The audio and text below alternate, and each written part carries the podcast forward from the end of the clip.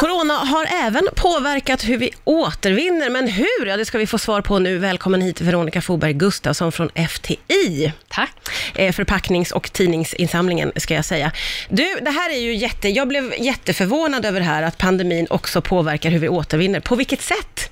Jo, men det är ju så här, vi har ju eh, Corona har ju faktiskt gjort att vi har helt nya beteenden. Vi reser inte lika mycket, vi är mycket mer hemma, vi lagar mer mat Mm. hemma, så att det blir mycket fler förpackningar i omlopp. Ah, så vi slänger mer.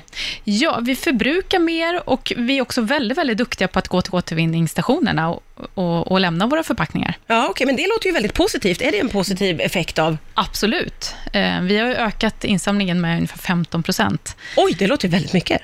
Ja, men vi har också fler förpackningar i omlopp. Men, Ja. men, eh, men det är jätteroligt och, och, och det är också någonting som, som är viktigt, att man bara fortsätter att återvinna sina förpackningar. Men då kan man ju gissa att det också kommer utmaningar med det här. Vad består de av?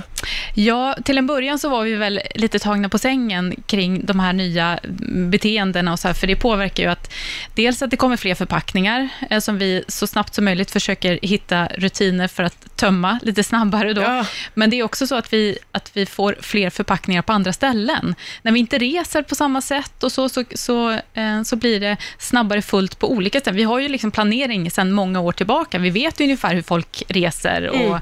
eh, hur mycket snabbt det blir fullt på olika stationer, men nu blev det helt annorlunda. Så hela systemet liksom berördes av det här, låter det ju som. Absolut. Så vi har försökt så långt vi har kunnat och så snabbt vi har kunnat anpassa det här för att tömma och så snabbt som möjligt, så att vi kan ta vara på alla de förpackningarna som lämnas in. Det låter ju som en enorm utmaning i sig, med tanke på hur vi vet hur det har varit också, särskilt under våren med sjukdomar och allting sånt. Hur, hur har det varit att få ihop det? Det har, det, har varit, det har varit en utmaning och vi har inte lyckats i alla delar, men, men eh, ja, vi har gjort så gott vi har kunnat och eh, eh, vi har också fått väldigt mycket eh, stöd från, från konsumenter. Ja, ja just det. Alla, alla får hjälpa till helt enkelt. Ja. Eh, jag förstår det som att vi, ja då har vi ju liksom ökat på, vi slänger mer och mer förpackningar. Eh, och, och då vi, ja, du har ju varit här innan och vi har pratat om det förut, att det här, när det kommer till att sortera, så finns det väl lite att önska av oss svenskar, förstår jag ju, på dig Veronica. Och hur är det, tar vi några steg framåt eller? Det tycker jag absolut. Och det, vi märker ju ett jätteintresse för det här. Eh, men eh, och fortfarande så är det så att många faktiskt inte vet att det är förpackningar som man ska lämna på återvinningsstationen och sina miljörum. Eh, det är ju inte leksaker eller batterier eller andra prylar, utan det är själva förpackningen. Och det står väl ganska tydligt på behållarna oftast, eh, miljörum, inte alltid kanske, men, men på återvinningsstationerna så står det, och det står också eh, lite instruktioner där på vad man inte får lämna och vad som ska hamna på kommunens återvinningscentral och sådär. Ja, just det. Eh, för nu pratar vi om när man går ner från sin lägenhet och lämnar i, i soprummet, så Ja, att säga. ja. Eh, det- är en sak, återvinningscentralen, det är något helt annat. Eh, men, men hur bra är vi på att återvinna förpackningar då? Alltså vi, vi är jätteduktiga på att återvinna förpackningar. Och jag tror många gånger så är det så här att eh, en del förpackningar hamnar tyvärr i soporna, eller alldeles för många förpackningar hamnar i soporna hemma, för att man kanske inte riktigt tänker på det. Det kan vara badrummet där man slänger schampoflaskan eller så. Eh, köket har man oftast lite bättre koll på, på hur man ska sortera. Herregud, vilken aha-moment jag har nu när jag tänker på sopkorgen som står i badrummet. Där åker ju allt möjligt ner. Precis. Där får jag skärpa mig. Ja. Ja, carry on. Note to self, jag måste göra om det systemet. Ja, och som du säger, i köket så har man väl ändå lite mer sortering. Så att man kommer en bit på vägen. Precis, men där är vi lite bättre oftast på, på att sortera än vad vi är kanske i, i badrummet. Ja. Men sen när man kommer till återvinningsstationen, då är det viktigt att man sorterar ut rätt förpackning i rätt behållare. För det påverkar ju också kvaliteten på materialet i slutändan. Och, och vi sorterar ju faktiskt och lämnar till återvinningen för att det ska kunna bli återvunnet material. Ja. För varje förpackning gör skillnad.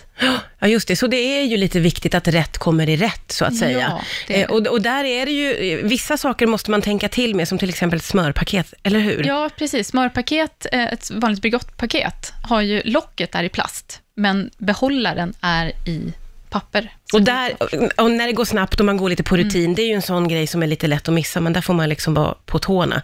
Eh, och, och, och möjligtvis läsa på om man känner att man inte har koll? Det kan man göra och det finns på, eh, på vår webbsida, ftiab.se, en sorteringsguide.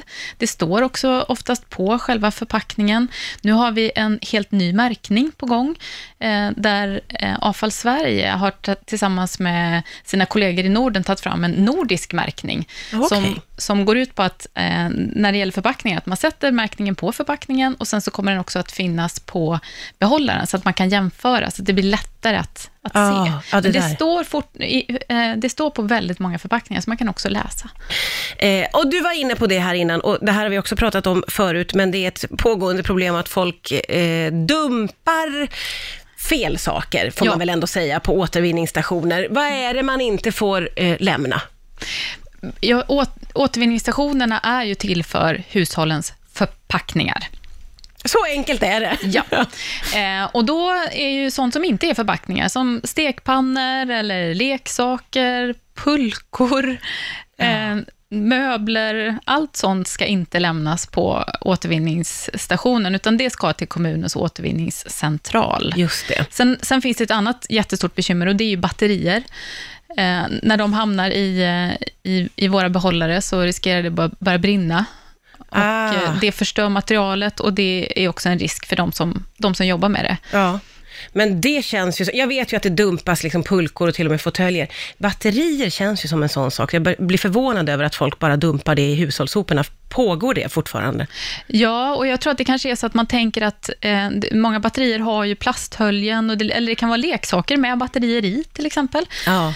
Eh, jag tror att rena små batterier är vi nog ganska duktiga på att lägga i batteriholkarna och så, Mm. men, men det finns ju mycket andra eh, saker, prylar, med ja, ja. batterier i. Just det. Elcykelbatterier och, och sådär, som, som hamnar i våra behållare, och det ställer till jättemycket bekymmer. Ja, och elektronik ska ju inte vara med heller Nej. överhuvudtaget. Det ska Nej. överhuvudtaget inte Precis. vara där. Eh, Porslin ska inte heller läggas i Nej, det där är ju en sån, eh, och den tror jag att folk kanske har lite svårt eh, att ha koll på, för att Mm. det har jag också sett att man ställer kanske några porslinstallrikar och man ställer dem bredvid glasåtervinningen. Mm. För man har väl någon tanke om att det hör ihop, men det gör det inte. Det hör inte alls ihop. Eh, och, så att porslin ska absolut inte in i, glas, i glasåtervinningen. Och när man ställer saker utanför, så, så bidrar det till att då ställer andra saker också utanför. Ja. Så det här blir ju ett, ett beteende som faktiskt, eh, ja det, det blir inget bra. Och det gör ju att det kan vara så att till slut blir det så mycket grejer så att återvinnarna kommer inte fram och de som ska tömma kommer inte fram och det kommer råttor och annat. Så att här behöver vi alla hjälpas åt faktiskt, att ställ ingenting utanför. Och är det så att det, att det verkar fullt, så tryck ihop, platta ihop dina förpackningar så mycket du kan. Ring till oss eller mejla oss eh, och, och meddela om det är så att det är fullt, så försöker vi komma så snabbt vi kan och hantera det, så att vi kan ha ett system som fungerar. Mm. Eh, man vill ju tro att de flesta av oss vill försöka göra så gott vi kan. Om man är osäker, vad ska man göra då, tycker du? Då ska man eh, kolla på vår webbsida, eh, sorteringsguiden där, ftiab.se. Man kan också läsa på eh, behållarna och titta, och så ska man tänka på att det är förpackningar som man ska Ja, det är bra, du upprepar Ja. det, det är bra, nu har vi sagt det. Det är förpackningar som ska till återvinningsstationen. Ja, och, Eh, sen, och sen att man verkligen gör skillnad. ja. Eh, och att man ska tänka också på att alla vinner när man återvinner. Det är miljön, ekonomin, eh, alla runt omkring. Man, man gör verkligen en insats. Det är en bra grej att återvinna. Tusen tack för att du kom hit idag, Veronica Foberg Gustafsson. Tack.